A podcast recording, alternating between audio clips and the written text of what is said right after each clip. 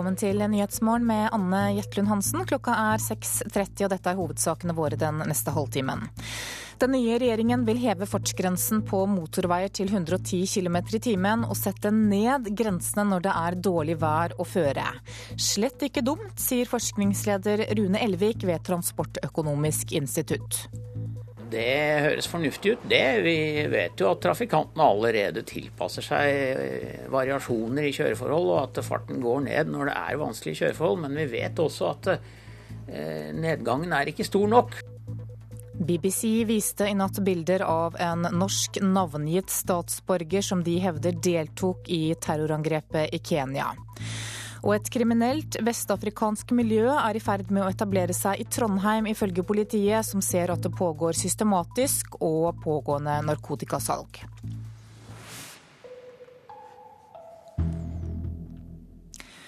Vær og føreforhold bør avgjøre fartsgrensen på motorveiene våre. Det mener statssekretær Bård Hoksrud i Samferdselsdepartementet. Regjeringen vil heve grensen til 110 km i timen på våre beste motorveier, men når forholdene er dårlige, så kan fartsgrensen settes kraftig ned, sier Hoksrud. Han ser for seg at fartsgrensen styres fra en egen sentral. Jeg syns at det er spennende, og vi har et klima i Norge og, værforhold som kan skifte ganske raskt.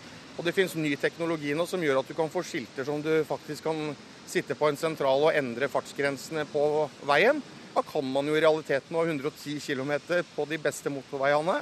Og så kan man sette ned til både 70 og 80 hvis man mener at uh, enkelte dager så er det uforsvarlig å ha 110 km fartsgrense, men da kan man faktisk redusere fartsgrensa.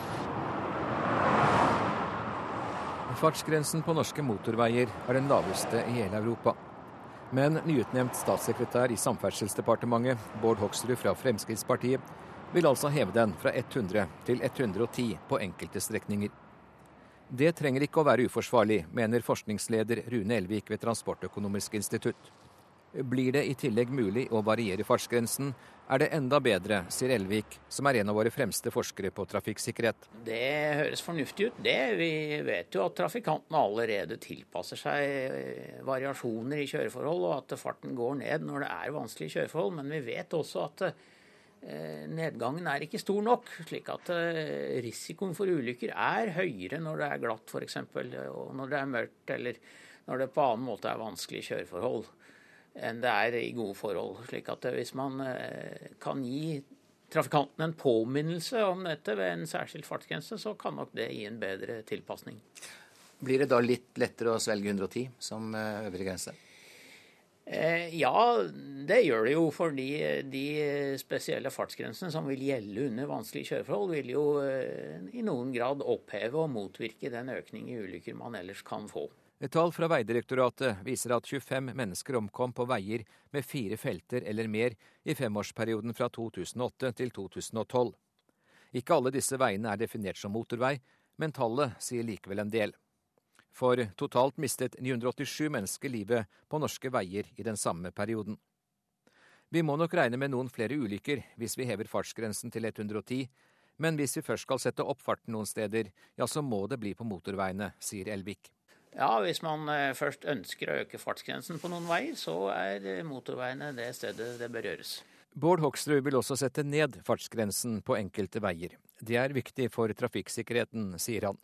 Men 110, det blir det. Jeg tror det, men eh, nå er det jo sånn at regjeringa er de som nå skal gjøre den jobben. Gå gjennom, ta de rundene med Vegdirektoratet. Men siden Vegdirektoratet for noen år siden anbefalte å øke til 110, så forutsetter jeg at Vegdirektoratet fortsatt mener at det er fornuftig, og jeg tror det er fornuftig. Fordi folk vil få mer respekt for fartsgrensene, fordi man ser at nå setter man faktisk opp fartsgrensa på en strekning. På, sam på samme måte som vi setter ned fartsgrenser på andre strekninger. For jeg tror nok at vi fortsatt vil måtte sette ned fartsgrenser på noen strekninger. Og det er viktig for oss at da skal vi gjøre det, men vi skal gjøre det fordi det er fornuftig. Og veien er bygd for å tåle de forskjellige fartsgrensene som man setter. Reporter her, det var Hans Jørgen Solli. Britiske BBC navngir nå en av mennene som politiet mener var med på terrorangrepet mot et kjøpesenter i Kenya. I et program som ble sendt i går kveld, så forteller BBC historien om 23-åringen som skal ha vokst opp i Norge. Might be him, yes. This one? Yes. in the black jacket. Det blir mer om denne saken etter klokka sju her i Nyhetsmorgen, og du kan også lese mer på våre nettsider nrk.no. SVs Bård Vegar Solhjell mener at Fremskrittspartiets statsråder har skremmende holdninger, og at det kommer til å prege politikken fremover. Han mener at likestillingsministerens tidligere uttalelser om homofili og voldtekt, og landbruksministerens tidligere påstander om landbruket, er et problem. Jeg syns det er ganske skremmende at flertallet av Fremskrittspartiet sine statsråder har hatt verdier og holdninger helt opp til nylig som er sånn at de må fornekte dem det øyeblikket de blir statsråder og det blir alvor. Sylvi Listhaug har måttet kommentere sammenlikninga mellom norsk landbruk og kommunisme. Altså, jeg har jo tatt avstand fra den i den forstand at jeg sier nå at jeg skal gjennomføre samarbeidsavtalen, og det er regjeringa sin plattform som ligger til grunn. Solveig Horne må gi intervju om krasse utsegner om homofili, voldtekter og innvandring. Det er tatt litt ut av sin kontekst, akkurat det uttalen der, men det er som du sa, det er spissformuleringer. Når justisministeren i tillegg har meint fartsgrenser bare er rettleiende, og Frp-statsråder har uttrykt skepsis til menneskeskapte klimaendringer, så påstår SVs Solhjell at dette faktisk utgjør et politisk problem. Ja, jeg tror at mange av de holdningene kommer til å styre hvordan de driver politikken. Eh, jeg vet at regjeringsplattformen gjelder, men jeg vet òg at engasjement og holdninger og verdier er viktig for en statsråds jobb. Men at folk har meint noe annet enn regjeringsplattformen tidligere, er uproblematisk, svarer Frp-nestleder Ketil Solvik-Olsen. Det tror jeg du fant både under den rød-grønne regjeringen og vil finne under Høyre-Frp-regjeringen, at eh, mange enkeltstatsråder har sagt ting i opposisjon som enkeltpersoner som ikke vil passe inn i det som regjeringsplattformen er det er ikke et problem. Det er helt naturlig. Og minner om SVs nære historie. Solhjell representerer et parti som argumenterte for å legge ned børsen, som stadig gikk ut på plenen under sin egen regjering. Da syns jeg det er litt rart at de etter bare to døgn med Frp i regjering kom ut og skal være en moralsk dommer over hva Frp har lov til å si og ikke lov til å si. Men SV-nestleder Solhjell mener det er forskjell på SVs standpunkt om å trekke Norge ut av Nato og legge ned børsen, og de holdningene som er å finne hos FrPs statsråder nå. Etter min oppfatning er det noe helt annet. At partier må gi seg på standpunkter, det er naturlig. Det måtte SV, Arbeiderpartiet og Senterpartiet. Nå må Frp f.eks. gi seg når det gjelder bompenger. Men at personer kommer inn med verdier som rett og slett ikke tåler dagens lys, som de må trekke seg på det øyeblikket de er blitt statsråd, det er noe annet. For det betyr at vi har med folk som, som har holdninger som ikke helt tåler dagens lys, og som de nok kommer til å ha med seg, men som de rett og slett ikke tør å stå opp for. Reporter her, det var Håvard Grønli. Ukrainas president Viktor Janukovitsj sier at hans fremste politiske rival Julia Timosjenko kan få slippe ut av fengsel for å få medisinsk behandling i utlandet. Den tidligere statsministeren ble dømt til fengsel i sju år i en rettssak som vestlige ledere mener var politisk styrt. Nå ønsker den ukrainske presidenten å inngå en avtale med EU, men lederne i unionen setter som en betingelse at Timosjenko løslates. Og Moskva Moskva-korrespondent Hans-Wilhelm Steinfeld, går Janukovitsj nå så langt som å benåde henne? Nei, han gjør ikke det. Og i går så sa han i Danetsk-området, der han selv kommer fra, at dersom nasjonalforsamlingen i Ukraina vedtar en spesiallov eh, som tillater at Julia Timosjenko sendes til Tyskland for medisinsk eh, behandling, så vil han signere den. Men Timosjenkos eh, tilhengere sier at dette er ikke godt nok, fordi å sende henne i håndjern til Tyskland vil være uakseptabelt. Og eh, det er jo et stort spørsmål da om hvorvidt EU-lederne krever fullt amnesti eller en benådning av henne. Eh, det tilhengerne til Julia Timosjenko sier, er at presidenten prøver å redde et ansikt foran toppmøtet med EU i eh, Vilnius i slutten av november. Ja, hvorfor ønsker president Janukovitsj nå å nærme seg EU og ikke Russland? Fremfor alt fordi alt trøbbelet med Russland og krangel mellom Ukraina og Russland om både transittpris på gass som skal til Europa og kjøp av egengass fra Russland til Ukraina, har vært like stri for Viktor Janukovitsj som det var for forgjengeren Viktor Jusjenko og dame Julia Timosjenko som statsminister. Og dette har nok blitt en kalddusj for den russisk-etniske Viktor Janukovitsj, fordi i, i, under oransjerevolusjonen i 2004-2005 så støttet jo daværende president og nåværende president Vladimir Putin Janukovitsj med, med, føtter og hender. Eh, men likevel så har ikke dette blitt den store konamore, den store politiske kjærligheten. Hvordan er reaksjonene i Russland på det som skjer? Sterke.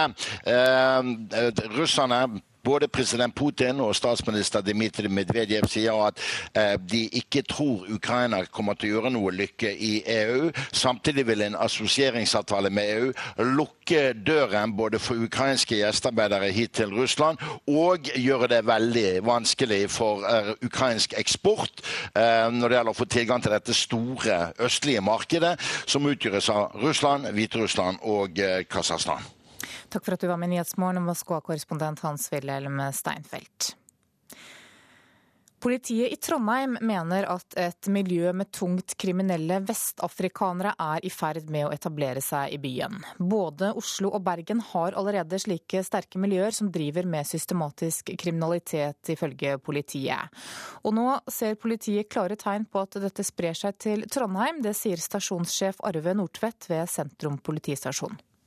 Vi ser en tilnærming til Trondheim eh, av denne grupperingen. Vi har konkrete hendelser der vi har tatt vestafrikanere for eh, salg eh, av narkotika på åpen gate. Vi har også tatt dem for vinningskriminalitet. Ja, kanskje det er en utgang der òg. Gå inn der en annen. Gå inn der. Er det bare der, ja? En patrulje fra Trondheimspolitiet tidligere denne uka på leting etter utlendinger uten oppholdstillatelse. Hvem er du, da? Har, har, du oppholdskort? Nei, jeg skal søke. Har du pass, da? Ikke på meg. Politiet mener Trondheim har en raskt økende utfordring med ulovlige innvandrere som har kommet hit for å drive kriminalitet, og beskriver det som et vestafrikansk miljø som for alvor har kastet sine øyne på byen. Den siste tida har det vært en jevn økning i narkotikasaker knytta til vestafrikanere uten oppholdstillatelse, sier stasjonssjef Arve Nordtvedt ved Sentrum politistasjon. Oslo-politiet har jobba målretta opp imot denne gruppen. Eh, og Som en konsekvens av det, eh, så kanskje trekker de videre nordover i håp om at de får bedre arbeidsforhold, for å si det sånn. De er altså svært bevisste på hva de driver med, og det er tydelig at noen trekker tråder i bakgrunn, mener politiet. Denne formen for kriminalitet later til å være godt organisert, sier Nordtvedt. Det er noen nettverk her som opererer, og at det er noen bakmenn som står bak og koordinerer, det er det grunn til å, å frykte. Politiets sentrale utlendingsenhet med base i Oslo bekrefter bildet. Trondheim er et nytt og tydeligvis interessant marked for ulovlige innvandrere som har kommet til landet for å tjene penger på kriminalitet. Politioverbetjent Magne Løve i Politiets utlendingsenhet sier de nå vil øke oppmerksomheten mot Trondheim. Det har blitt stort, altså Hvis du snakker om det vestafrikanske miljøet, så er det blitt stort i Oslo, stort i Hordaland. Og vi ser nå at det holder på, for, det blir, holdt på å bli større i Trondheim, så det ønsker vi å gjøre noe med. Så nå skal vi ha hyppigere utlendingskontroller i Trondheim. Er han, også, er han bulgarer? Denne uka kjørte altså sentralt og lokalt politi en lenge planlagt samarbeidsaksjon i Trondheim mot ulovlig innvandring. 24 utlendinger ble pågrepet, og samtlige kastes ut av landet pga. manglende oppholdstillatelse. Aksjonen var åpenbart en liten aha-opplevelse. Politiet tok langt flere enn forventa, sier stasjonssjef Arve Nordtvedt. Ja, eh, Det er jo i overkant av vi kanskje hadde eh, frykta, for å si det sånn. Verre enn frykta? Ja, eh, jeg vil jo si det. Vil dere fortsette å samarbeide med Politiets utlendingsenhet om dette? her? Vi samarbeider fortsatt med PU, og det å ha fokus på å utvise folk som har illegalt opphold her, det er en prioritert satsing for politiet. Reporter her, det var Joar Elk. Du hører på Nyhetsmorgen i NRK P2 og Alltid nyheter. Klokka er 6.45, og dette er hovedsaker i nyhetene i dag. Den nye regjeringen vil heve fartsgrensen på motorveier til 110 km i timen, og sette ned grensene når det er dårlig vær og føreforhold. BBC viste i natt bilder av en norsk navngitt statsborger som de hevder deltok i terrorangrepet i Kenya. Og er du ung og opptatt av menneskerettigheter, da inviterer artist Lars Vaular nettopp deg til å skrive teksten til Vaulars neste hit.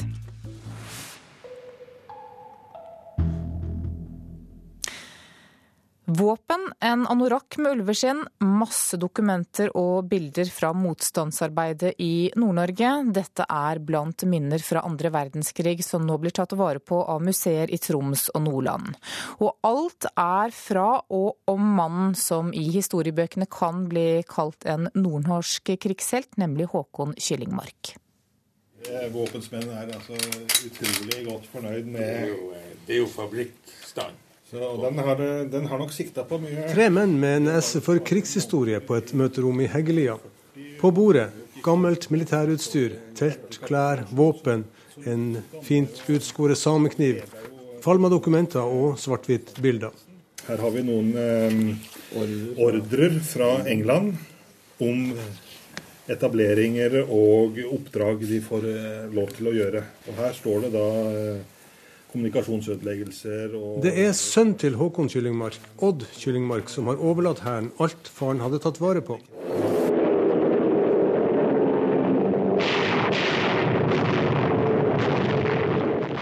Håkon Kyllingmark var født i Finnmark i 1915. Han bodde som voksen i Lofoten, var utdanna som artillerist i Forsvaret. Han var sjef for Speidevingen i Hålogaland flygeavdeling og på nøytralitetsvakt i Øst-Finnmark da krigen brøt ut. Kyllingmark var høyrepolitiker, bl.a. samferdsels- og forsvarsminister. Han døde i 2003. Jeg bare klør i fingrene til å gå i gang og gå gjennom det her og, og få se hva det er. Her er altså grunnlag for ei god utstilling. Håvard Klausen leder Forsvarsmuseet på Setermoen. Bare det lille jeg har sett på de her papirene som ligger her, så er det også eh, grunnlag for, eh, sånn som jeg ser det iallfall, for en del ny viten om eh, det som foregikk, særlig vinteren 44-45. Her har vi amerikanske patruljetelt. Den amerikanske anorakken med ulveskinnspels. Veldig god stand, dette her, altså. Nydelig. Så var det sikkert lange kvelder oppå Karibasen. Så her er det en av disse karene som har Ikke panserholder? Nei, men det er Kyllingmark som er modellen. Oberstløytnant Stig Magne Hagen, sjef for Hærens operasjonsstøtte i Troms og Finnmark, mener Krigsminnemuseet i Narvik og Forsvarsmuseet på Setermoen blir plassen for det her fra nå. En grunn er at nasjonal krigshistorie er mest opptatt av helter og episoder i Sør-Norge. Kyllingmark hører hjemme i Nord-Norge. Det er der han har et stort navn. Det er mange personer i Oslo-regionen, Sønsteby, Max Manus og de som fortjener stor ære. Og jeg opplever jo det at eh, Narvik-felttoget og motstandsbevegelsen og brenningen av Finnmark for den saks skyld ikke er så godt kjent og beskrevet som den burde. Og vi ser jo det når filmer lages. Det er Max Manus, det er uh, Telemark-aksjonen igjen. Så har man ikke forståelse for at det kanskje var her oppe i Nord-Norge de store operasjonene virkelig skjedde. Reporter her, det var Arild Moe. Da skal vi ha sport her i Nyhetsmorgen. Norges store skøytestjerne Håvard Bøkko ser frem til NM i helgen. Da får han svar på om all satsingen på én distanse gir resultater. Jeg er trygg på at jeg kommer til å treffe med formen og, og gjøre det bra. Og om det er bra nok, det gjenstår å se, men jeg håper i hvert fall det. Sier Håvard Bøkko på isen i Vikingskipet. Den siste tiden har han trent ved siden av sin argeste konkurrent, nederlandske Sven Kramer i Innsil. Og nordmannen klarte ikke la være å følge litt med. Ja, Du kikker så klart på det som går, og han, eh, han ser veldig bra ut, han. han. Eh, Jeg tror han konsentrerer seg veldig om 5000 og 10 000 meter nå. Jeg tror han, eh, han blir seig og slå hver. Men det behøver ikke Bøkko å tenke på. Han skal kun gå 1500 meter denne sesongen, og kommer ikke til å møte Kramer på isen. Likevel er det nok av utfordrere. Det er nok eh, veldig mange konkurrenter igjen på 1500. Du veit jo aldri om, du, blir, om du vinner gull eller om du blir nummer tolv. Det store målet er OL, men først er det NM til helgen. Og en ydmyk Bøkko håper formen er der den skal være. Det skal jeg ikke love noe, men jeg skal prøve å Eller jeg skal gjøre mitt beste, i hvert fall. Reporter her, det var Emilie Hald Torp. Fotballklubben HamKam har nå begynt å selge billetter også til supportere som ikke kan gå på kamp. Supporterne betaler for at et bilde av dem blir satt opp på et tomt tribunesete.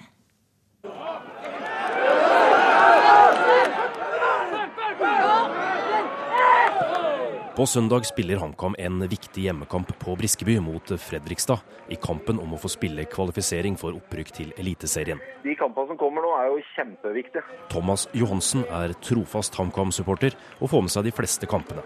Men på søndag må han på jobb. Jeg skal ikke gjøre som jeg egentlig pleier, å sitte på selve tribuna, men eh, jeg skal være til å se deg likevel. For på en av tribunene på Briskeby skal det heretter være en egen seksjon for de som av ulike grunner ikke har mulighet til å gå på kampen. På søndag er et bilde av Thomas satt opp på et av setene. Dette er nemlig HamKams nye tilbud til supporterne. De som da absolutt ikke kan, men allikevel hadde hatt lyst til å være der, de kan da kjøpe seg en tilstedebillett for 50 kroner. og sende bilde, og så printer vi ut og laminerer, og så fester vi det på stola. Sier han som er kommunikasjonsansvarlig i klubben, Remo Sjonfjell.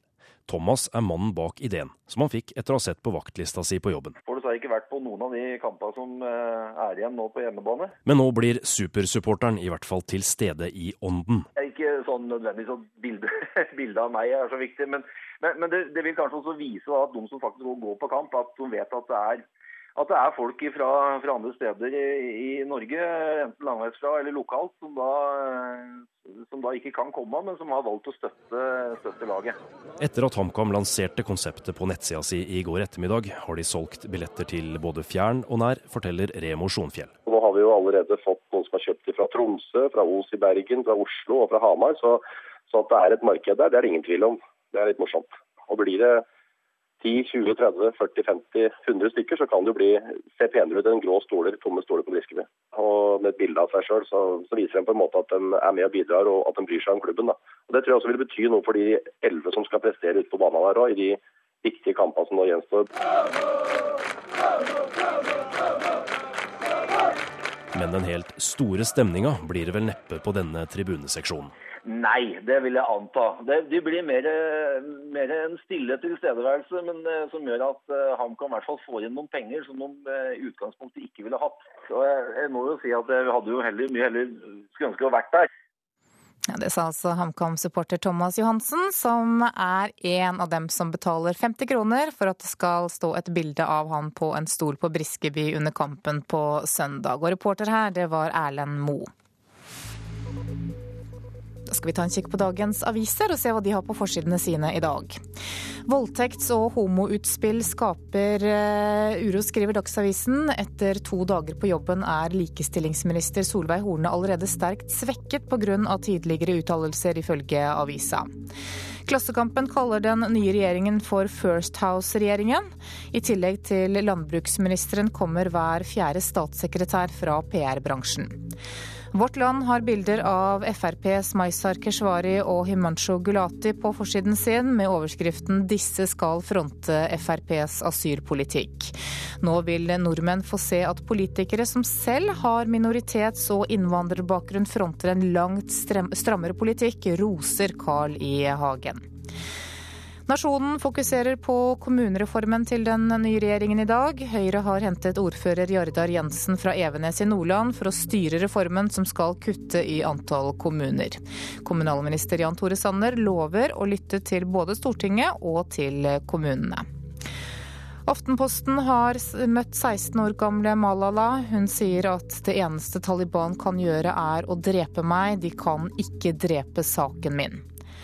Bergens Tidende skriver om 16 år gamle Daniel. Da faren ble syk, så gikk gutten fra dør til dør for å få sjekket hjembygden for kreft.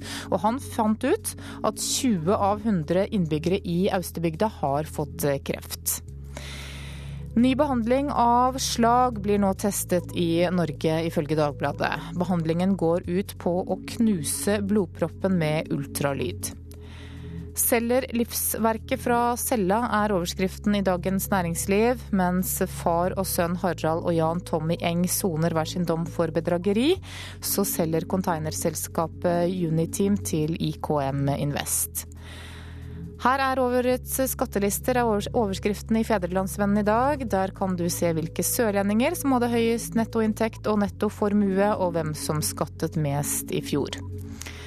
Bergensavisen forteller historien om et eh, ungt par som har innredet leiligheten uten å bruke en eneste krone. Alle møblene har de funnet under rubrikken 'gis bort' på finn.no.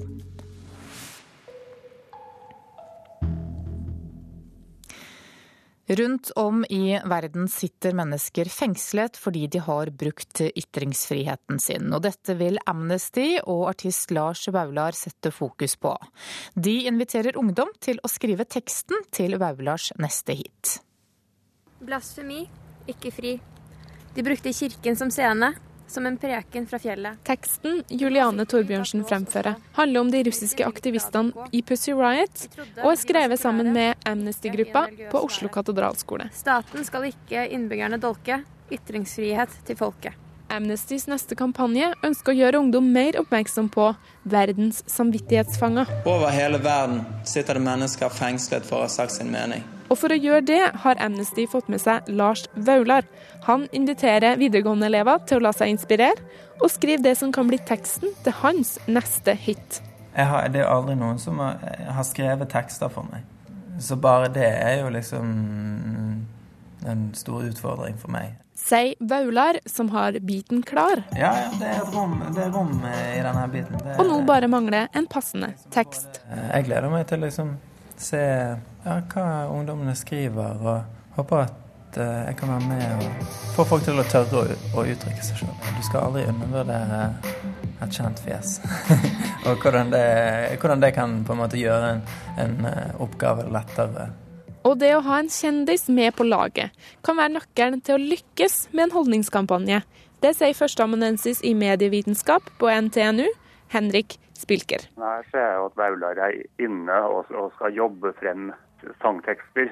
Sånn, sånn, at han stiller jo opp med mye mer enn bare det å være et navn på plakaten. Også på Oslo katedralskole er det populært at en kjent person fronter kampanjen. Det, man kan jo si om det er viktig eller ikke, men det har i hvert fall betydning. Eh, at det er flere som tenker at det er litt kult å være med fordi man liker han.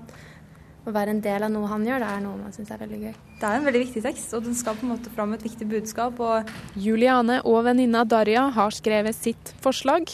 Vi måtte gjennom noen nødrim og slikt. Um, men jeg tror vi fikk frem det vi ville få frem. Og er spent på hva Lars Vaular vil si om deres tekst. Blasfemi, ikke fri.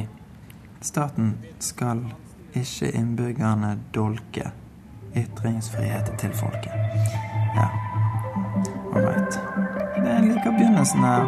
Da er det på en måte et visst uh, rom for tolkning. Men, det men veldig godt.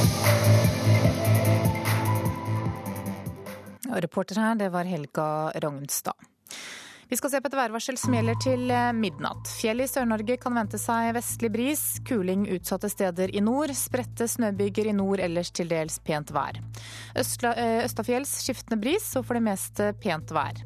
Rogaland og Hordaland nordlig frisk bris, fra i formiddag skiftende. Utrygt for enkelte regnbyger på kysten i nord, ellers opphold og til dels pent vær. Sogn og Fjordane nordlig periodevis frisk bris, utrygt for regnbyger på kysten og i Nordfjord. Snøbyger i indre strøk og høyere strøk. Ellers opphold og til dels pent vær. Møre og Romsdal skiftende bris, på kysten nordlig periodevis liten kuling. Sluddbyger og snøbyger, regnbyger i lavlandet i ytre strøk. Trøndelag nordvestlig liten kuling utsatte steder fra i ettermiddag stiv og periodevis sterk kuling. Etter hvert sludd- og snøbyger, til dels regnbyger på kysten. Nordland nordvestlig liten kuling, fra i ettermiddag periodevis sterk kuling på kysten. Sludd- og snøbyger. Troms sørlig bris, sørvestlig periodevis liten kuling på kysten. Snøbyger, men få byger og en del sol i nord. Finnmark sørlig bris, lokalt liten kuling nær kysten. Enkelte snøbyger i nord først på dagen. Stedvis tåkeskyer i indre strøk, ellers for en stor del pent vær. Og på Nordensjøland på Spitsbergen er det ventet østlig liten kuling i dag. Stiv kuling i sør, litt snø øst, ellers for det meste oppholdsvær. Så tar vi med temperaturene som ble målt klokka fem. Da hadde Svalbard lufthavn minus sju grader. Kirkenes minus seks. Vardø minus tre. Alta minus seks. Tromsø-Langnes minus to. Bodø pluss én. Brønnøysund én. Trondheim null. Molde tre. Bergen 1, Stavanger 4. Kristiansand-Kjevik minus 2, Gardermoen 1, Lillehammer minus 1, Røros minus 2 og Oslo-Blindern 0 grader.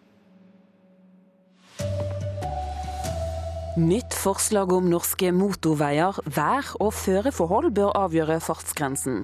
Og BBC navngir norsk-somalier som mistenkes å stå bak terror i Kenya. Her er NRK Dagsnytt klokken sju. Fartsgrensen på motorveien kan bli satt ned når føret er dårlig. Det sier statssekretær Bård Hoksrud i Samferdselsdepartementet. Regjeringen vil heve grensen til 110 km i timen på de beste motorveiene. Men når forholdet er dårlig, ser Hoksrud for seg at fartsgrensen blir satt ned fra en egen sentral. Jeg syns det er spennende, og vi har et klima i Norge og, og værforhold som kan skifte ganske raskt. Og det finnes ny teknologi nå som gjør at du kan få skilter som du faktisk kan sitte på en sentral og endre fartsgrensene på veien.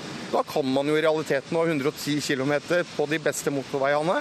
Og så kan man sette ned til både 70 og 80 hvis man mener at uh, enkelte dager så er det uforsvarlig å ha 110 km fartsgrense, men da kan man faktisk redusere fartsgrensa. Britiske BBC navngir nå nordmannen som politiet mener var med på terroraksjonen mot et kjøpesenter i Kenya. I et program som ble sendt i går kveld, forteller BBC historien om 23-åringen som skal ha vokst opp i Norge.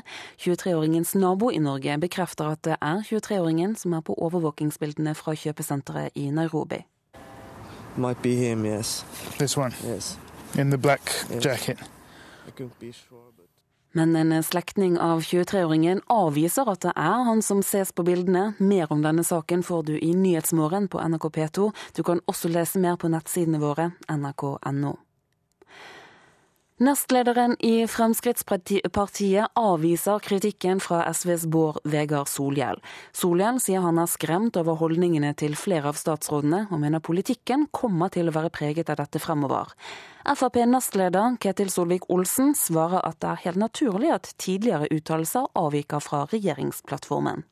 Det tror jeg du fant både under den rød-grønne regjeringen og vil finne under Høyre-Frp-regjeringen, at eh, mange enkeltstatsråder har sagt ting i opposisjon som enkeltpersoner som ikke vil passe inn i det som regjeringsplattformen er. Det er ikke et problem. Det er helt naturlig. Skattelistene ble lagt ut i natt, og nå advarer forskere mot å lukke disse listene, fordi det kan føre til at millioner av skattekroner går tapt. Den nye regjeringen har varslet at de vil begrense muligheten til å kikke i andres lister. SSB-forsker Tor Olav Thoresen sier til Aftenposten at vissheten om at naboen kan se hva du tjener, forhindrer noen i å jukse. Forskere anslår at åpning av skattelistene på internett i 2001 ga 500 millioner kroner i økte skatteinntekter årlig. NRK Dagsnytt, Turi Grønbekk. Nyhetsmorgen. Klokka er 7.03 og Nyhetsmorgen fortsetter med Anne Jetlund Hansen. I natt ble skattelistene lagt ut, og det betyr at du kan boltre deg og finne ut hva naboen og kollegaen og familiemedlemmene dine tjente i fjor. Ikke alle er like begeistret, og Skattebetalerforeningen og Presseforbundet møtes straks til debatt her i Nyhetsmorgen. Men aller først så skal vi høre at eh, i går kveld viste BBC en dokumentar der de navngir og viser bilder av en norsk statsborger som de hevder har deltatt i terrorangrepet i Nairobi i Kenya. Et familiemedlem tilbakeviser derimot at det er den navngitte 23-åringen som er blitt fanget opp av overvåkningskameraer. Under terrorangrepet i Nairobi så ble minst 69 mennesker drept. I programmet Newsnight som ble vist på BBC i går, ble det vist bilder fra overvåkningskameraene på kjøpesenteret Westgate i Nairobi. Bildene var fra terroraksjonen på kjøpesenteret som kostet minst 69 menneskeliv. Totalt er det fire terrorister som vises på kameraene. BBC hevder at en av disse er en navngitt 23 år gammel nordmann. Overvåkningskameraene viser det som ifølge BBC er nordmannen, bærende på et tungt våpen. Vi får også se han avfyre skudd. BBC-programmet henviser til kilder i Kenya. I tillegg har de intervjuet en tidligere nabo av den terrormistenkte nordmannen, som mener å kjenne igjen 23-åringen fra overvåkningsvideoen. Might be him, yes. This one? Yes. In the black Yes. jacket? I couldn't be sure. It was pretty extreme. In what way? Um, he's talking about Quran all the time. Et familiemedlem av den navngitte 23-åringen tilbakeviser derimot at det er den terrormistenkte nordmannen som vises på overvåkningskameraene. Ingen av mennene på denne videoen er 23-åringen, slår familiemedlemmet fast til NRK. Og det sa reporter Henrik Agledal. Over til deg, London-korrespondent Espen Aas. Det var altså det prestisjetunge nyhetsprogrammet Newsnight på BBC som identifiserte nordmannen. Du så dette programmet. Hvordan ble mannen identifisert? Ja, det var som ble sagt i innslaget. De hadde um, overvåkningsbilder, veldig klare overvåkningsbilder fra Westgate um, kjøpesenteret, og hevdet selv at de hadde gode kilder på fra Kenya at uh, en av mennene, en mann som var kledd i sort skjorte, uh, det var fire uh, bevæpnede menn som ble omtalt eh, fra denne videoen. Det er de fire eneste som eh, så langt er sluppet bilder av som eh, deltok i terroraksjonen. En mann kledd i sort skjorte skulle da ha bånd til Norge. og Newsnight dro da til lokalsamfunnet hvor mannen skal ha bodd i store deler av sitt liv. og snakket både med nabo og snakket også med et familiemedlem og viste videoen til vedkommende. Vedkommende ville ikke være med og bli intervjuet på kamera men sa også at dersom dette virkelig var 23-åringen, eh, så sa familiemedlemmet at da måtte han ha blitt eh, hjernevasket. For dette var ikke en eh, type handling som han nødvendigvis da ville vært del av. Hvis det stemmer at det er denne mannen, så var det også en særs aktiv rolle han hadde under Westgate-massakren. Vi så ganske brutale bilder av skyting av folk som allerede lå nede og var skadet. Også en annen mann med tilknytning til Norge ble vist i programmet. Hvem var det? Altså, dette er jo en mann som har uh, vært i søkelyset en god stund, og som bl.a. Uh, TV 2 har vært innom uh, tidligere, en av hovedmennene i terrornettverket Al-Shabaab. Eh, han har ikke den samme tilknytningen til, eh, til Norge som denne 23-åringen skal ha, hvis, hvis, det stemmer at han var eh, involvert, men har forsøkt å søke opphold i Norge tidligere, men dro til, tilbake til det afrikanske kontinentet før asylsøknaden var endelig ferdigbehandlet. Men dette er en mann som har vært nevnt mange ganger i forbindelse med både denne aksjonen og i forbindelse med nettverket som, som sådan. Hvor stor oppmerksomhet får disse opplysningene som Newsnight presenterte i går? Nei, dette var en kjempesak eh, her i Storbritannia i går. Dette var toppsaken på BBCs hovednyheter også klokken ti. Eh, både med klipp fra, fra, videoen, klipp fra hjembyen til 23-åringen eh, og intervju med, med, nabo. I tillegg så hadde de også med en av sine egne journalister i studio etterpå, som uh, satte dette inn i, i en større sammenheng. Takk for at du var med i Nyhetsmorgen, vår London-korrespondent Espen Aas. Da skal det handle om skatt, og Norges 100 rikeste mennesker hadde ved utgangen av fjoråret en samlet ligningsformue på 121,5 milliarder kroner. Det viser tall fra nettstedet E24. Årets eh, skattelister ble tilgjengelig i natt, men hvem er det som tjener mest her i landet, kollega Hedvig Bjørgum? Det er eh, industribygger Trond Moen fra Bergen som eh, tjener mest. Han tjener, tjente 323 millioner kroner og bidro med 134 millioner kroner i skatt. Dvs. Si nesten 368 000 kroner dagen. Så kan jeg nevne at han har litt å ta av også. Moen står oppført med en ligningsformue på 3,9 milliarder kroner. Jeg synes jeg betaler akkurat passe med skatt, sier han til nettstedet E24. Eh, Trond Moen han har også bidratt mye offentlig og er en kjent person. Han har bidratt med mange hundre millioner kroner til forskning og idrett, bl.a. Hvilke andre kjendiser har du sett på disse listene? Eh, ja, På sjetteplass finner vi hotellkongen Petter Stordalen. Han tjente 88 millioner kroner. Og på plass 29 en annen eiendomskonge, Olav Thon. Han tjente 37 millioner kroner etter ligningen i fjor. Også Christian Ringnes er på topplisten for inntekt i fjor. Han er en kulturelsker som både har blitt skjelt ut og bejublet for den nye skulpturparken på Ekeberg i Oslo. Han kommer på 38. plass på topplisten over inntekter for fjoråret. Og det er mye penger i kultur for andre også? Ja, Ton Rage ennå øverst på formuestoppen, men nytt av året er det at bokelskerne sender en forfatter forbi eiendomsmannen Olav Thon på inntektstoppen. Jo Nesbøs historier om Harry Hole gir ham store inntekter også. Og i fjor tjente han 38 912 000 kroner på sin virksomhet. Det går unna med boksalget eh, år om annet for ham også, og nå har Nesbø en ligningsformue på 115 millioner kroner. Er det noen andre skikkelige overraskelser? Eh, ja. Noen vil kanskje bli overrasket over at den rød-grønne regjeringen som nettopp gikk av, er langt rikere enn Høyre-Frp-regjeringen. De rød-grønne består av dobbelt så mange millionærer som de blå. I skattelistene, vel å merke. Eh, mens den avtroppende regjeringen har fire millionærer på laget, bestående av statsministeren og 19 statsråder, er det kun to, millionærer i Erna Solbergs regjering som til sammen teller 18 personer. Ni av medlemmene i Erna Solbergs regjering var registrert med positiv formue i 2012, ifølge skattelistene. I Solbergs regjering er det kun fire som skattemessig har større verdier enn gjeld. Og det er sånn det regnes ut.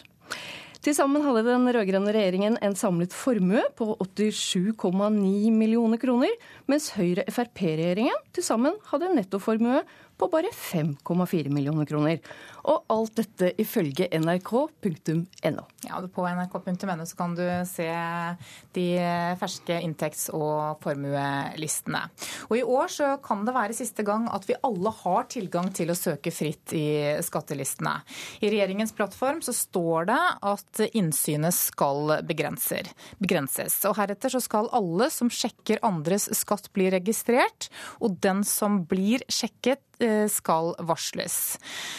Skatterådgiver i Skattebetalerforeningen, Gry Nilsen, velkommen. Takk. Du, hvorfor bør ikke jeg få vite hva du tjente i fjor?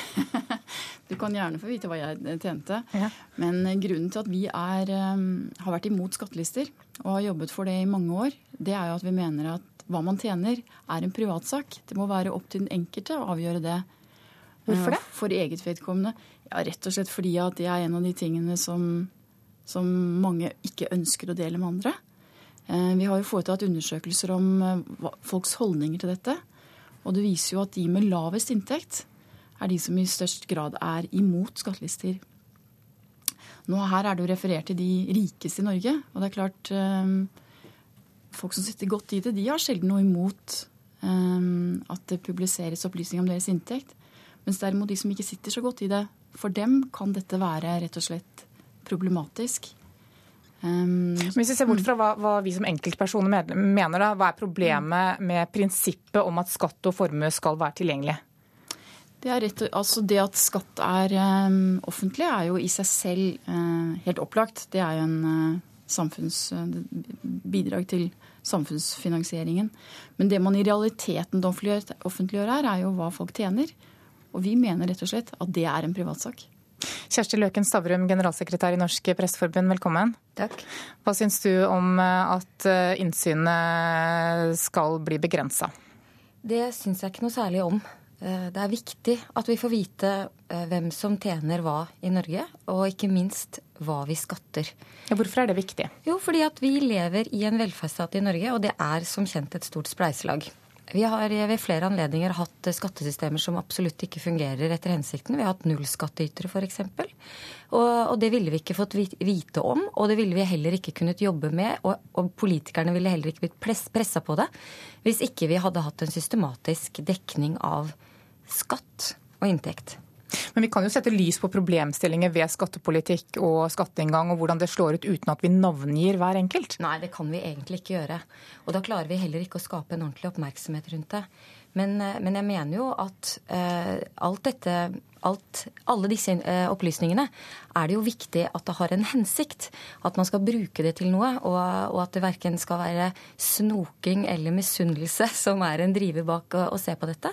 Men, men, vi trenger disse informasjonene for å se hvor formuer bygges, f.eks. Nå hadde Hedvig Bjørgum en gjennomgang av hvem som er de rikeste i Norge, og f.eks. så er plutselig Jo Nesbø da på lista. Det er en interessant informasjon, tror jeg, for mange. Eh, og vi har eh, sett at det å selge mat i Norge, det bygger opp store rikdommer. Det har skapt viktige diskusjoner om hvor mye vi andre skal betale for mat, f.eks. Det er, eh, det er et, et, annet eksempel er at fotballspillerne i Norge begynte å tjene ganske mye penger. Det førte til en diskusjon om du verden har fotballklubbene dette inntektsgrunnlaget. Nei, det hadde de ikke. Men tror du ikke det er mye snoking også? Det har jeg egentlig ingen formening om, og det er jeg ikke så veldig opptatt av egentlig. Jeg er mest opptatt av at det handler om at åpenhet er et viktig prinsipp. Eh, og, for å få åpenhet, så må man tåle åpenheten og se at den har noen viktige verdier. Jan Nilsen, hvordan kan samfunnet vite at skattesystemet virker eh, dersom vi ikke skal ha full åpenhet? Det er jo sånn at eh, vi har mange systemer og byråkrati for å sørge for at betales riktig skatt. Det er jo et av de områdene som virkelig overvåkes av det offentlige. Så det tror jeg er nokså uproblematisk, den, den, siden der. Men når, når, vi diskuterer dette, så tror jeg det er viktig å skille mellom pressens tilgang på den ene side, som reguleres av en egen avtale, Pressen får jo tilgang til skattelistene som sådan, og kan bruke det etter dagens system, mot at det inngår en avtale om bruken. Eh, og pressen er jo på mange måter regulert, de har jo sine presseetiske regler. Det er én eh, side av saken. Det andre er jo eh, den generelle publiseringen av skattelister, som alle har tilgang til. Og det er jo særlig det vi i Skattebetalerforeningen har vært opptatt av og Der skjedde det jo en begrensning i 2011 ved at man nå må logge seg inn. Og Det førte til i første omgang at man fikk mye færre søk. Nå har det tatt seg opp igjen. Nå har vi en rekke søk. Og man kan vel ikke si annet enn at det at man søker på kollegaer, eh, venner, familiemedlemmer, det er jo ren nysgjerrighet. Det kan vi vel alle være enige om. Jeg mener ikke at man akkurat skal synes at det er så forferdelig, men, men det er jo det det er.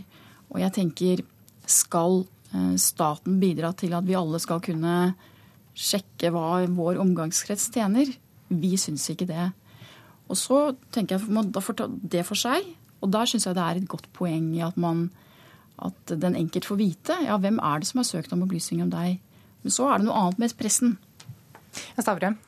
Ja, jeg, eh, følger ikke helt logikken bak at vi har et byråkrati og et system som skal sørge for at vi har skattelister. Eh, og det gjør meg også skuffet over at det er denne regjeringen, underlig nok, som tar til orde for å begrense dette. fordi at denne regjeringen står jo faktisk ikke for et grunnleggende syn om at staten eh, eh har alltid rett, og staten bør fylle enhver, tom, enhver lomme i samfunnet. De mener jo det motsatte. og Derfor så syns jeg ikke at dette grepet eller dette ønsket om å lukke inn denne type grunnleggende informasjon for Norge, jeg syns ikke det henger på greip. Men nå ligger altså skattelistene ute og er tilgjengelig for dem som ønsker å gå inn der. Takk for at dere kom til Nyhetsmorgen, generalsekretær Kjersti Løken Stavrum i Norsk Presseforbund og skatterådgiver i Skattebetalerforeningen Gry Nilsen. Nå er klokka 7.17, og du lytter til eh, Nyhetsmorgen. Dette er hovedsakene våre i eh, dag morges. I går kveld så viste BBC en dokumentar der de navngir og viser bilder av en norsk statsborger som de hevder har deltatt i terrorangrepet i Nairobi. Den nye regjeringen vil heve fartsgrensen på motorveier til 110 km i timen og sette ned grensene når det er dårlig vær og føreforhold. Og er du ung og opptatt av ytringsfrihet, da inviterer artist Lars Vaular nettopp deg til å skrive teksten til Vaulars neste hit.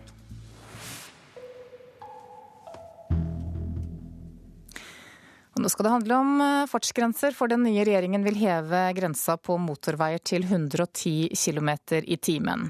Det er været som bør avgjøre hvor fort vi skal kjøre, det sier statssekretær Bård Hoksrud i Samferdselsdepartementet. Vi har et klima i Norge og, værforhold som kan skifte ganske raskt. Og det finnes ny teknologi nå som gjør at du kan få skilter som du faktisk kan sitte på en sentral og endre fartsgrensene på veien. Da kan man jo i realiteten ha 110 km på de beste motorveiene. Der fartsgrensa i dag er 100 km i timen, vil han at du skal kunne kjøre i 110. Samtidig kan du måtte belage deg på å kjøre mye saktere enkelte dager, dersom Fremskrittspartiets statssekretær i Samferdselsdepartementet får det som han vil. Og Så kan man sette ned til både 70 og 80 hvis man mener at eh, enkelte dager så er det uforsvarlig å ha 110 km fartsgrense, men da kan man faktisk redusere fartsgrensa. Det høres fornuftig ut, det. Sier Rune Elvik, forskningsleder ved Transportøkonomisk institutt. Det er ikke nødvendigvis uforsvarlig å heve fartsgrensa på motorveien, mener han. Ja, hvis man eh, først ønsker å øke fartsgrensen på noen veier, så er eh, motorveiene det stedet det bør gjøres. 987 mennesker mista livet på veien i Norge fra 2008 til 2012. Det viser tall fra Vegdirektoratet. I samme periode var det 25 som omkom på en firefeltsvei, noe som ofte er en motorvei. Vi er ikke flinke nok til å avpasse farten etter kjøreforholdene, sier Elvik i Transportøkonomisk institutt. Derfor kan en varierende fartsgrense styrt fra en sentral slik Bård Hoksrud ønsker seg, være en god idé, mener Elvik. Man eh, kan gi trafikanten en påminnelse om dette ved en særskilt fartsgrense, så kan nok det gi en bedre tilpasning. Folk vil få mer respekt for fartsgrensene, fordi man ser at nå setter man faktisk opp fartsgrensa på en strekning på, sam på samme måte som vi setter ned fartsgrense på andre strekninger. Reportere her, det var Hans eh, Jørgen Solli og Irina Kjelle. Veidirektør Terje Moe Gustavsen, velkommen til Nyhetsmorgen. Takk skal du ha. Hva syns du om dette forslaget med variable fartsgrenser? Ja, Det er eh, vi eh, positive til. Vi har sett på dette tidligere, og vi mener at det er god grunn til å innføre variable fartsgrenser både på motorveier, særlig hvis vi løfter fartsgrensa til 110 på de beste strekningene, men også når det gjelder å kunne regulere kø og dermed få bedre framkommelighet. Men Hvordan kan slike variable fartsgrenser fungere i praksis? Ja, Det vil jo fungere i praksis sånn at man har skilt som rett og slett kan endres. Og, og så vil endringen av skiltene da sannsynligvis i første omgang skje fra veitrafikksentralene våre i forhold til vær- og føremeldinger, og i forhold til hendelser og i forhold til kødannelser. Hva med bruk av slike variable fartsgrenser f.eks. i rushtida? Ja, Vi eh, tror også det er positivt. Eh, fordi at eh, ved å redusere farten faktisk i rushtida, så kan du få en bedre flyt. Og dermed så kan du få rett og slett en raskere gjennomfart og en bedre framkommelighet. Så også det kan være veldig positivt. Og vi ser jo erfaringer fra andre land at dette har slått positivt ut. Men hva skjer med bilister når de, når de kjører på en vei som de er vant til å kjøre i f.eks. 110 km i timen, som er forslaget her, da, og det plutselig står skilt om at de skal kjøre i 70 istedenfor? Hvordan, hvordan slår det ut, for å si det sånn? Ja, jeg tror du får en liten vekker. Nå vil jeg understreke at det alltid vil være føreren som må avpasse farten etter forholdene. Men jeg tror man da gjennom dette får en god veiledning, og jeg, jeg tror at man da legger merke til det. Og så er det sånn at med mye trafikk, ja så er det sånn at da vil stort sett fartsgrensene holdes. For noen, og mange, holder fartsgrensene, og da vil faktisk alle bli nødt til å gjøre det.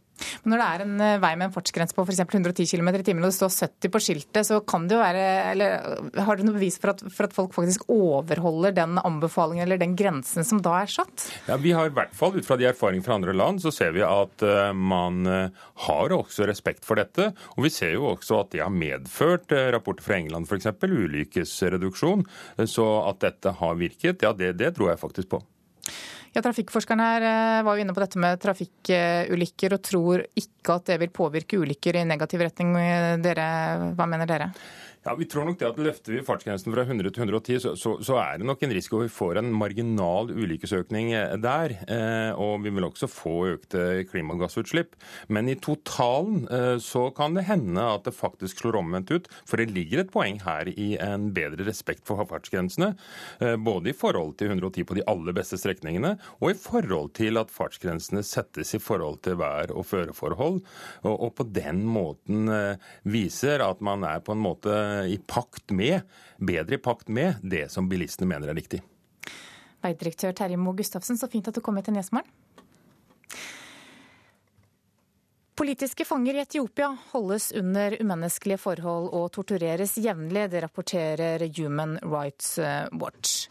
I rapporten basert på 35 intervjuer forteller tidligere fanger at de ble slått, sparket og slått med stokker og geværkolber under avhør.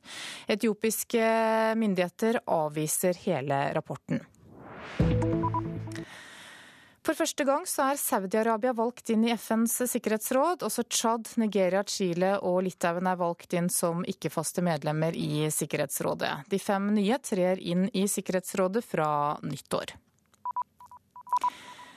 I Canada er 40 personer pågrepet etter voldelige protester i New Brunswick-provinsen. Minst fem politibiler ble satt fyr på, og det ble kastet bensinbomber mot flere politimenn.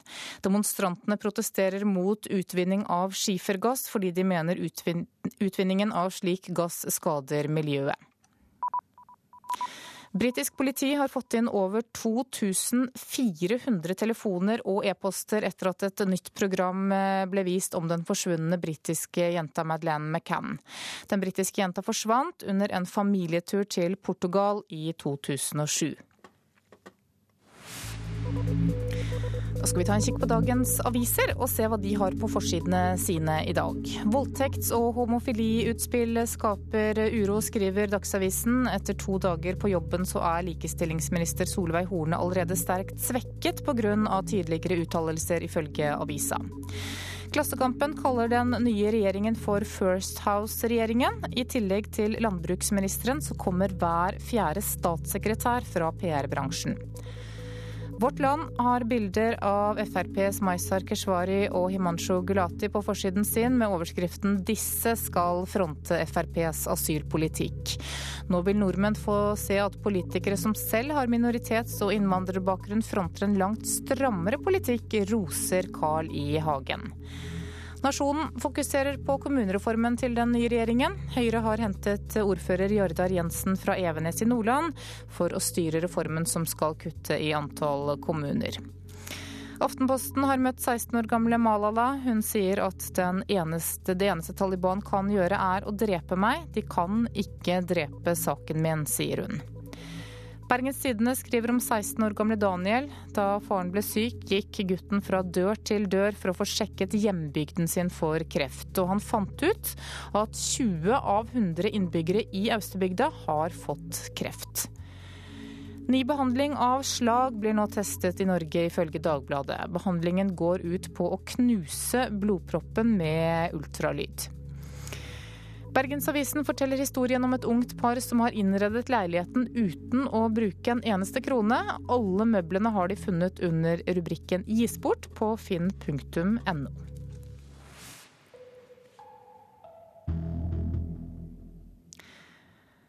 Unge mennesker skal få mer å si i politiske saker. I dag så er det vanskelig for ungdom å bli hørt, men en ny lovendring kan være løsningen. Er det noen som har mer å si om det? Elevrådet ved St. Olav videregående skole i Sarpsborg vil bytte ut gamle lokaler med helt nye, men har ingen makt, noe elevrådsleder Kenan Santik mener unge bør ha i dag. Det er veldig viktig. Det er jo vi som er framtidig generasjon. Det er vi som kommer til å leve her eh, lenge og som kommer til å bygge dette landet. Så det er viktig at våre meninger blir hørt, slik at vi får et godt grunnlag. Tre departement vil gi ungdom større medvirkning i politiske saker, og se nærmere på en lovendring. I dag sikrer lovverket at eldre og personer med nedsatt funksjonsevne blir hørt.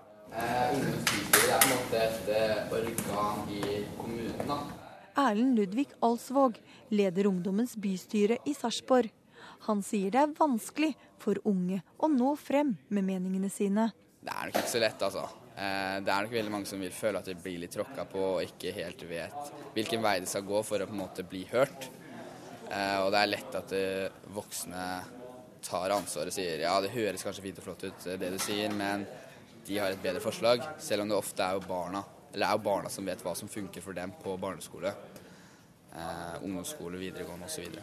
I Østfold ønsker vi lovendringen velkommen, sier leder av opplæringskomiteen i fylket, Inger Kristin Torp. Det er viktig fordi jeg ofte bruker av mange av tjenestene våre. Det er klart det gir oss innspill som er viktige i debatten når vi skal ta stilling til viktige spørsmål i Østfold. Men det kan også bety enda mer jobb for politikerne. Det er det jo alltid, for det er jo enda flere hensyn du må ta når du skal fatte den endelige beslutningen. Men eh, vi får heller ta noen ekstra runder på det. Også at ungdom nå er med, blir hørt, og forhåpentligvis også blir interessert i å drive politisk arbeid som voksne. Kenan får applaus for sin innsats i elevrådet, men gleder seg til at unge stemmer skal bli tydeligere i samfunnsdebatten. Det er jo kjempebra, for da får vi hørt det vi sier. Og det er jo det som er viktig. Når du får et godt grunnlag, så vil grunnlaget i fremtida bli bedre. Og det vil ta Norge i en riktig retning. Og Erlend mener unge er opptatt av mye som ikke voksne vet nok om. Det er klart det er veldig viktig at eh, de blir hørt, og ungdom, men også barn. For de går jo på barneskolen. Og det er klart, når voksne skal sitte og bestemme det, så er nok ikke alltid det helt i tråd med hva de selv mener. Og høringsfristen den går ut 25.11. Reporter i saken her, det var Anette Torjussen. Klokka nærmer, seg, klokka nærmer seg Dagsnytt og 7.30. Produsent for Nyhetsmorgen i dag, det er Arild Svalbjørg. Og her i studio, Anne Jetlund Hansen.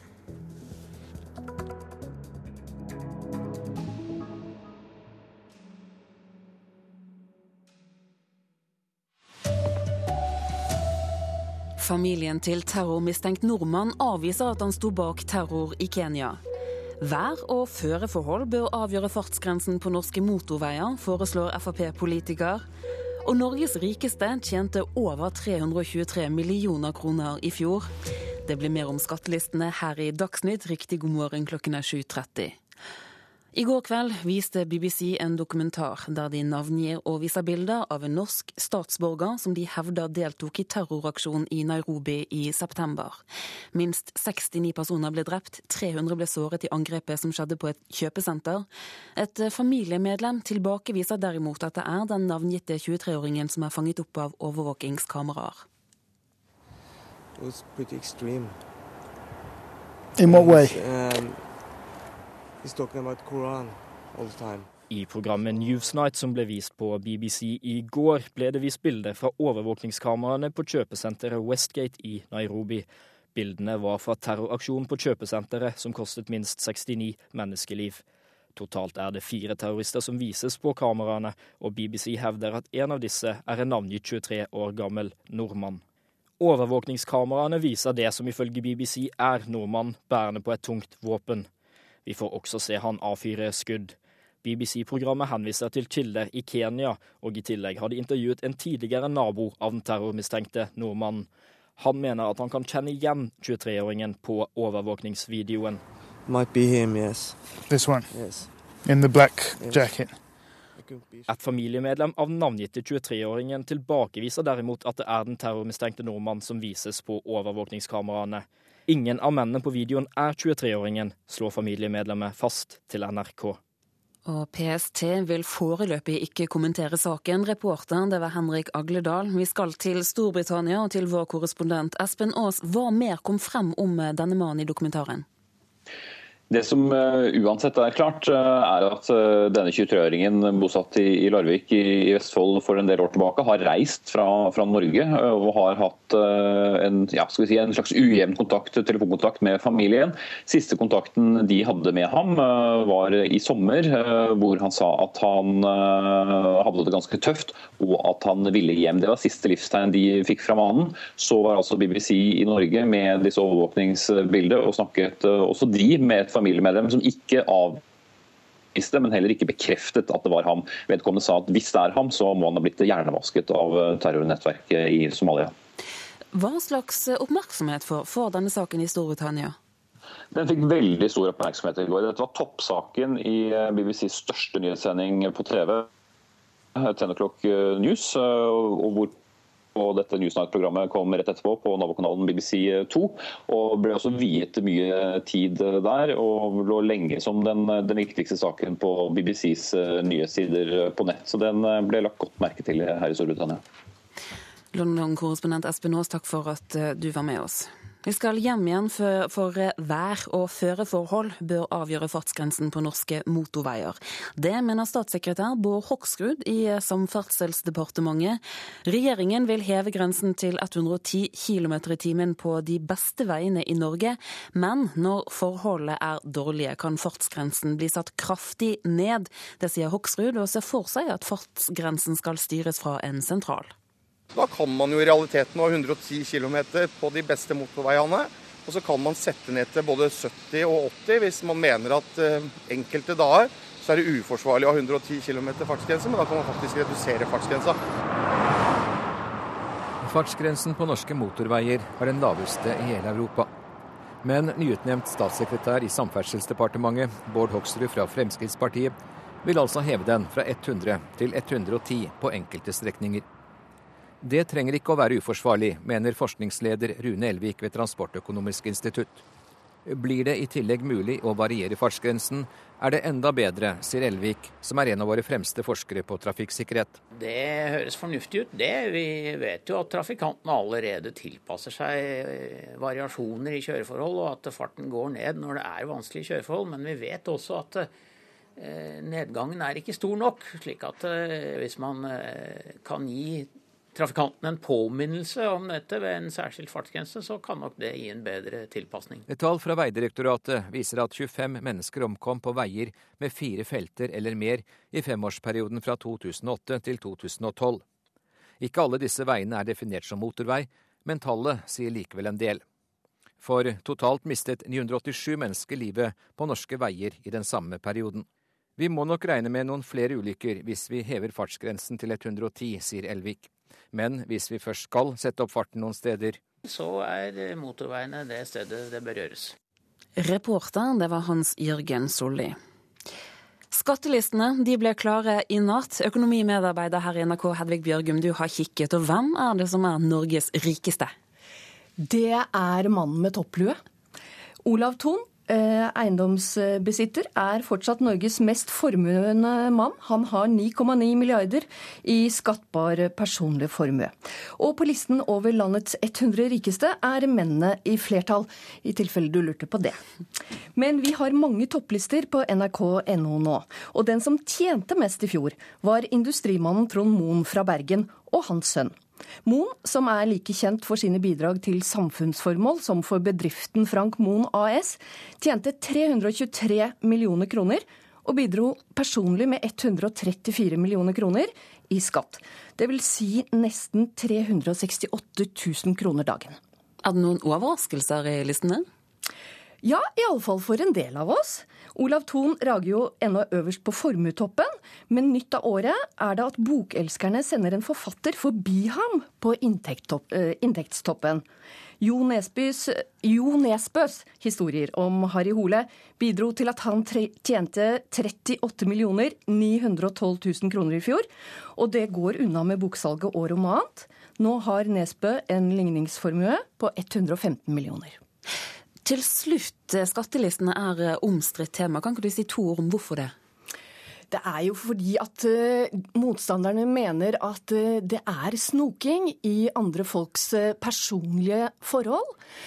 mens de som mener de skal være åpne, de sier at skatt og formue er ikke bare personlig, det er også en del av samfunnskontrakten og bør være åpent. Hedvig Bjørgum, takk skal du ha. og Du kan altså lese mer om disse listene på nrk.no. Frp-statsrådenes holdninger kommer til å prege regjeringens politikk, selv om de nå prøver å ta avstand fra tidligere uttalelser. Det mener SV-politiker Bård Vegar Solhjell. Han er skremt av likestillingsministerens uttalelser om homofili og voldtekt, og landbruksministerens påstander om landbruket, og mener at dette utgjør et problem. Jeg syns det er ganske skremmende at flertallet av Fremskrittspartiet sine statsråder har hatt verdier og holdninger helt opp til nylig som er sånn at de må fornekte dem det øyeblikket de blir statsråder og det blir alvor. Sylvi Listhaug har måttet kommentere sammenlikninga mellom norsk landbruk og kommunisme. Altså, jeg har jo tatt avstand fra den i den forstand at jeg sier nå at jeg skal gjennomføre samarbeidsavtalen, og det er regjeringa sin plattform som ligger til grunn.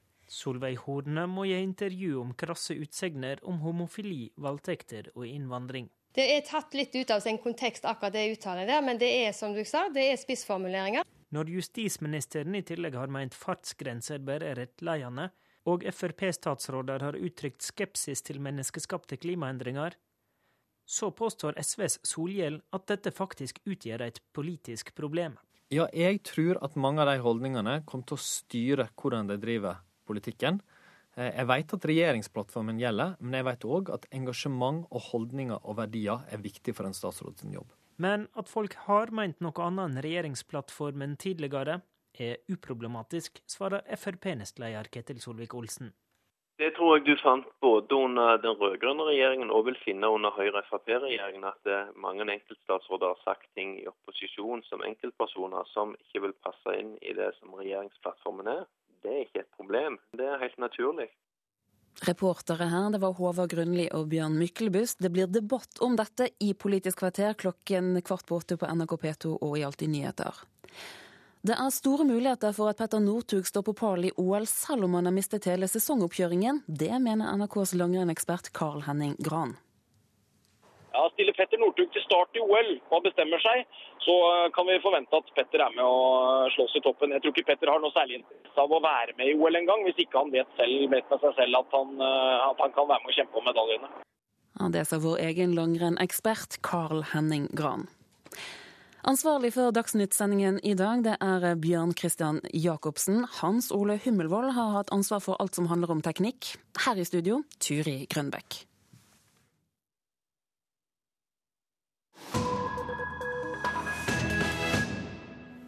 Klokka er 7.40 og Nyhetsmorgen fortsetter. Nesten 8000 flyktninger og asylsøkere har tatt seg over havet til Italia i løpet av dette året. Bare i oktober har flere hundre eh, omkommet under den strabasiøse reisen.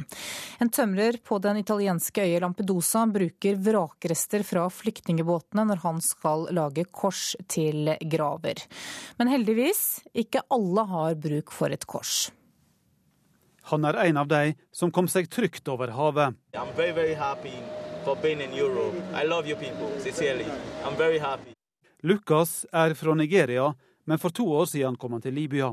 Og nå har han altså kommet seg videre over Middelhavet. I dag går han smilende og glad på gata i Lampedusa. When I was in Libya, I don't usually walk on the street freely. It's very, very bad. If I do walk on the street sometimes, they steal from us. If it's a woman, Da jeg var i Libya, kunne jeg ikke gå fritt på gata. Det var slett ikke bra. Av og til stal de fra oss. Kvinner ble voldtatt. Det var helt forferdelig der. Jeg er veldig, veldig glad for å være i Europa. Jeg bare elsker folket her.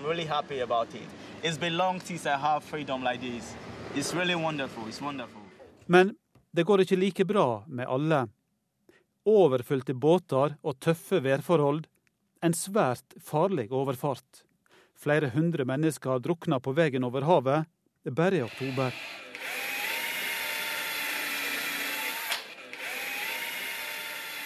Tømreren Francisco Toccio har fått et litt spesielt oppdrag.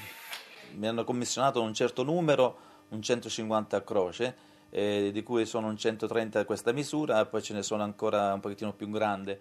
Kirka i Milano har spurt meg om å lage 150 krosser, 130 i én storleik og 20 litt større.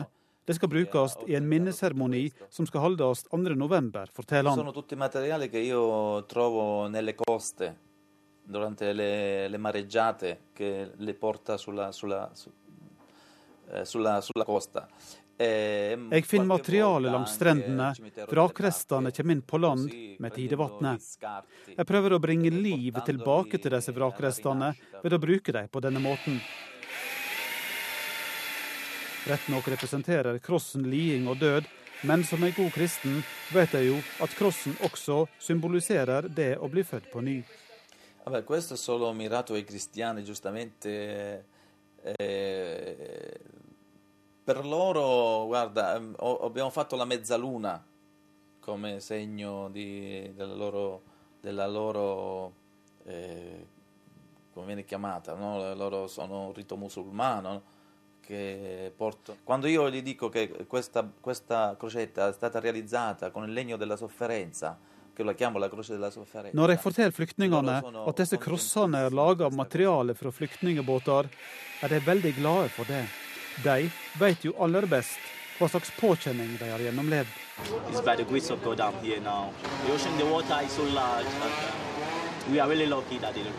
Men Lukas fra Nigeria skal det ikke reises noen cross over. Han er trygt framme. Det eneste han savner, er mor. Jeg miss min mor. Min mor. mother. Your mother. What's? Victoria. About 50, late, in her late 50s. She's in her late 50s. I really miss her. Og reporter her, det var Eivind Molde. Klokka er 7.44. Du lytter til Nyhetsmorgen, og dette er hovedsakene våre. BBC navngir en norsk-somalier som politiet mener var med på terrorangrepet mot et kjøpesenter i Kenya. Den nye regjeringen vil heve fartsgrensen på motorveier til 110 km i timen, og sette ned grensene når det er dårlig vær og føre. Og nå kan du gå inn og se hva naboen og kollegaene dine tjente i fjor. I natt så ble nemlig skattelistene lagt ut. Nå er det Politisk kvarter, programleder Bjørn Myklebust, og angrepene på Frp-statsrådenes gamle sitater har bare blitt kraftigere det siste døgnet. Ja, SVs Bård Vegar Solhjell mener uttalelsene avslører skremmende holdninger som vil påvirke regjeringens politikk. Å se Solhjell komme ridende på en hvit hest er ikke noe pent syn, svarer Frp.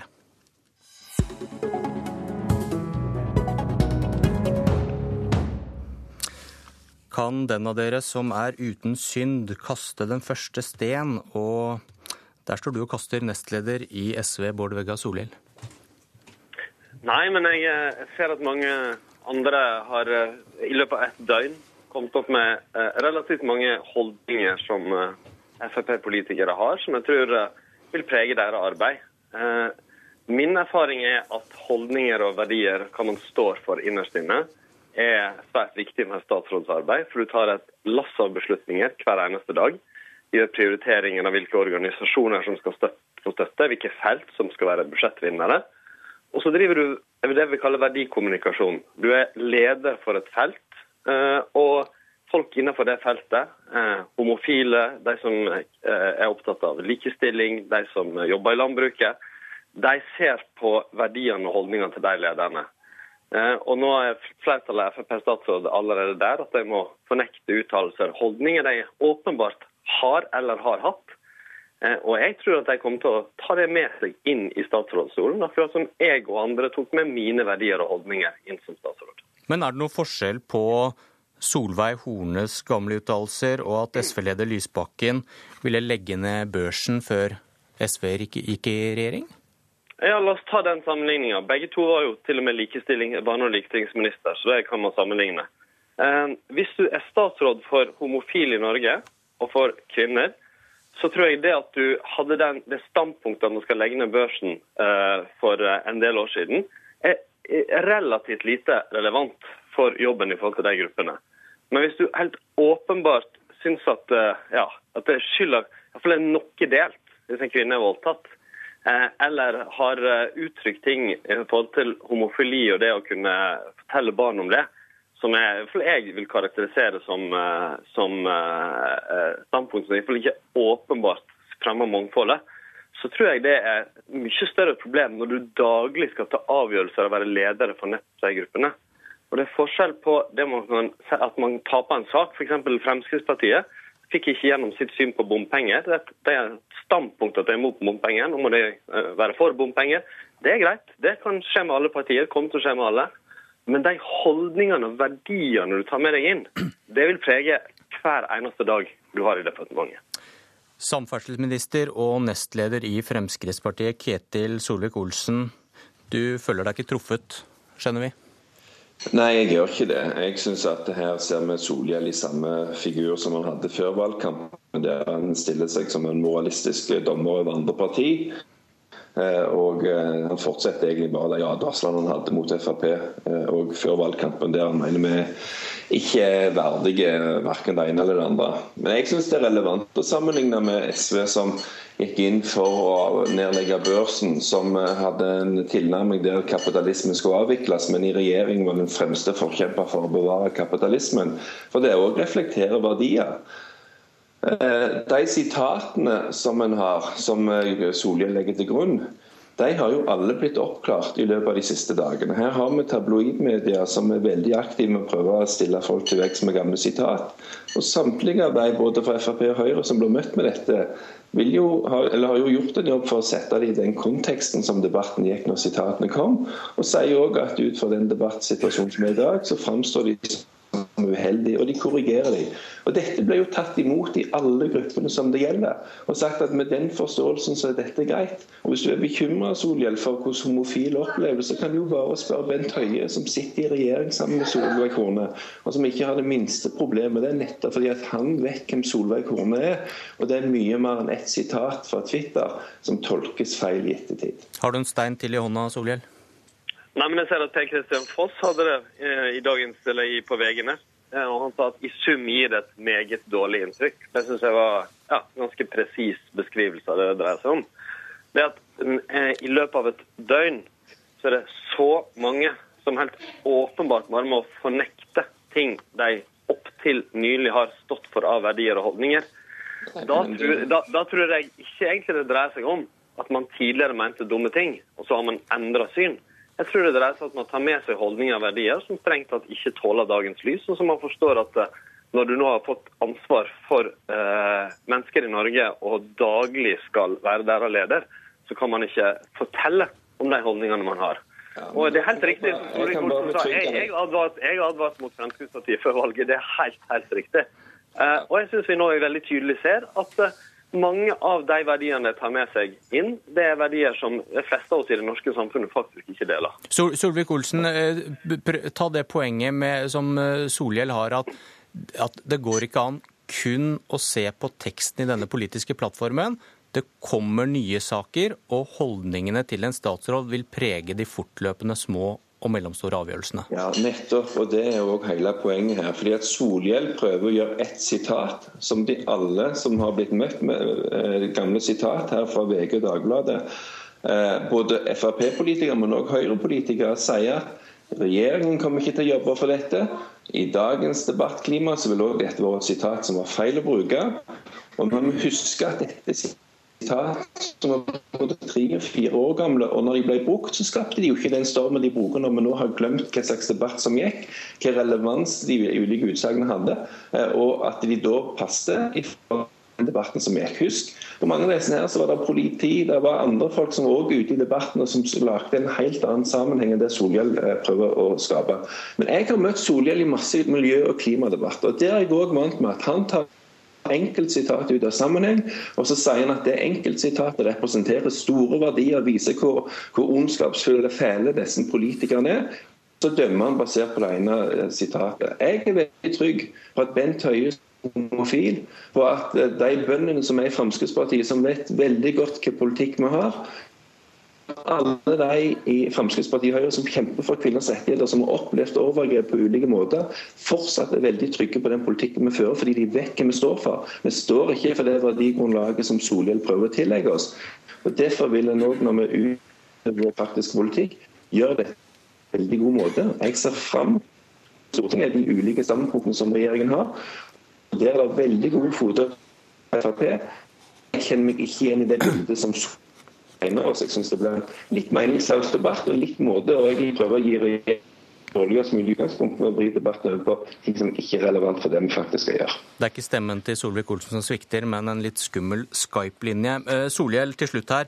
Eh, Ligner ikke denne lille høststormen som noen av disse Frp-statsrådene står i nå, litt på noe SV har vært igjennom for åtte år siden? Eh, Det er helt riktig at vi fikk et tøft møte med det å komme i regjering for første gang. Det skulle bare mangle at det får et kritisk søkelys.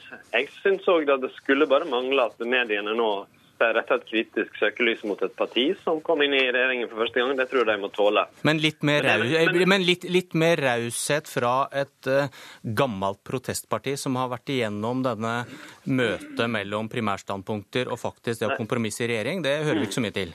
De skal, skal få raushet og støtte for f.eks. at de må inngå mange kompromisser. At de må oppleve det at de eh, på viktige områder ikke får gjennomslag for sin politikk, for å få det for andre.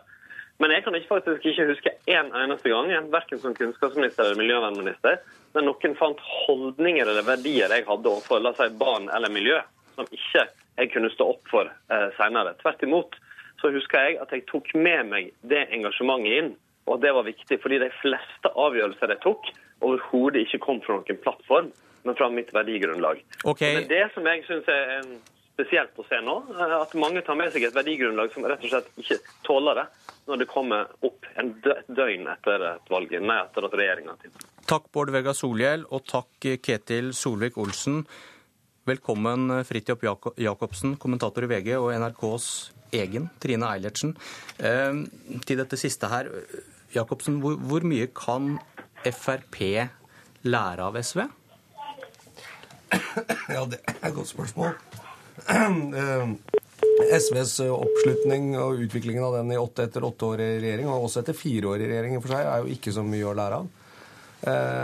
Jeg tror det viktigste man kan lære av SV, det er at når man går inn i regjering fra en vært i opposisjon og et protestparti i mange år, så er man nødt til å lage en ny politikk som er tilpasset den nye virkeligheten. Altså Man må lage en politisk plattform og et slags politisk prioriteringsliste som er tilpasset det at man sitter i regjering. Eh, og det tror jeg Frp allerede er i gang med, det virker det som for meg. Eh, man kommer nok til å se nå i løpet av det første månedene og året eh, hva som er FrPs viktige politiske prosjekt eller prosjekter i denne regjeringen, og hva av liksom, stor retorikk og store ord Frp har alltid vært de som, har vært størst i kjeften. Hva som blir lagt litt til side. Og, og da gjelder det å treffe, treffe, på hva man faktisk skal gjøre i regjering, og levere til velgerne sine. Og da tror jeg faktisk at for Frp så er nok det å bygge flere veier i et rasende tempo viktigere enn en sånn verdidebatt om menn og kvinner i voldtekt, selv om selvfølgelig disse uttalelsene fra Horne fra gamle dager provoserer en del folk. Og så må vi ikke glemme heller at en viktig forskjell på SV og, og Fremskrittspartiet er at Høyre-Frp-regjeringen er jo mye mer jevnbyrdig. Altså Det er syv fra Frp og elleve fra uh, Høyre. Altså Det er mye mer et topartssamarbeid enn at SV var et veldig juniorparti, en veldig arbeiderpartidominert regjering. Trine Eilertsen, er, er Frp bedre skodd enn SV til å takle denne overgangen fra protest til posisjon? Altså det er i hvert fall én uh, viktig forskjell. Vi så at i, i, det øyeblikket plattformen var klar og vi fikk et oversikt over de nederlagene og seirene til uh, Frp, så begynte de umiddelbart å forklare at uh, vi, har, vi fikk 16% oppslutning ved valget. 84% av velgerne stemte ikke på Frp. Det betyr at vi kunne ikke få større gjennomslag enn det vi har fått. og Det er vi selvfølgelig lei oss for, men sånn er det. Å liksom ta de tapene med en gang, det var noe SV brukte lang tid på å lære seg å snakke godt om. Kristin Halvorsen har jo også sagt det at noen, en av hennes største tabber var å ikke være tydelig på at det er begrenset hva innflytelse du har når du har en, en viss størrelse. Men så er det jo også sånn at Frp har jo vært de kanskje det siste last man standing som bruker formuleringer som 'med Frp i regjering får du', og så kommer det et løfte. De andre de sier vi skal jobbe for. For de vet jo hvordan det ser ut når disse uttalelsene blir hengende på veggen etterpå. det står jo, Men vi fikk jo ikke det. Ja, men vi var 16 Men trodde du noen gang du skulle bli 50,1? Sånn at det er, det er klart at nå, nå, er det pisking og plaging i hvert fall en uke for å ta dem på, på den retorikken de har, har badet i i årevis. Men så vil det, vil det jo roe seg. Du skrev denne uken festen er over, statsrådslivet ligner ikke på andre former for liv. og Jacobsen, hvor, hvor stort problem representerer disse sitatene som skaper lyd nå? Det er jeg litt usikker på. Jeg, jeg tror ikke, Må man definere problemet? Jeg tror nok mange vil oppfatte de som problematiske hvis man er uenig med Frp. Og det er jo uh, veldig mange i Norge som er veldig uenig med Frp. Målinger viser jo at mange har det som sitt uh, absolutt uh, det partiet de overhodet ikke kunne tenke seg å stemme på. Ikke sant? Det er det, er det verste alternativet for mange. Så, så, for de så er jo dette næring til denne Frp-avskyen. Men, men, hvis man går og ser på standpunktene som f.eks. Horne blir kjørt på nå, eller i og for seg landbruksminister Sylvi Listhaug at norsk landbruk er kommunisme Ja, det er, det er, det er, altså, det er ganske mange som Eller det er mange flere enn henne som mener det. Hvis man leser lederartiklene til Trygve Hegnar i Finansavisen, som ikke han bruker ordet kommunisme, så, er, så ligner det mye på Lysthaugs retorikk. Og det samme dette med at kvinner også må ta ansvar for sin oppførsel i det offentlige rom i forbindelse med voldtekt. Sånn, det er jo til og med blitt ytret av politifolk. Så det er ikke så uvanlig utsagn, egentlig. Kort, du har fulgt Erna Solberg tett i høst. Tror du hun bryr seg om dette her? Hun måtte ut i går og si at 'jeg har tillit til Solveig Horne'. Ja, ja, altså, jeg tror man bryr seg om alt når man nettopp er blitt statsminister. Men, men jeg, jeg, altså, jeg, tror ut, jeg, tror ikke du mener at det utgjør noen sånn stor fare for regjeringsprosjektet hennes. Trine Eilertsen, to målinger i dag. Aftenposten Frp 14,8. Avisenes nyhetsbyrå Frp 13,8. Hvordan kommer oppslutningen til å påvirke partiet på sikt, tror du? Jeg tror det er veldig få som ser for seg at Frp skal få økt oppslutning mens de sitter i regjering. Eh, all erfaring viser at det er det største partiet som tjener på en eventuelt økt oppslutning, og Frp er dømt til å falle noe. Og Det som blir interessant, er jo hvordan partiets tillitsvalgte og velgere reagerer eh, når de ser at de går ned på målingene, om du får eh, flere eksotiske utspill, eller om lojaliteten til regjeringsprosjektet holder hele veien. Takk Trine Eilertsen, NRK. Takk også til Fridtjof Jacobsen, VG. Dette var Politisk kvarter. Jeg heter Bjørn Myklebust.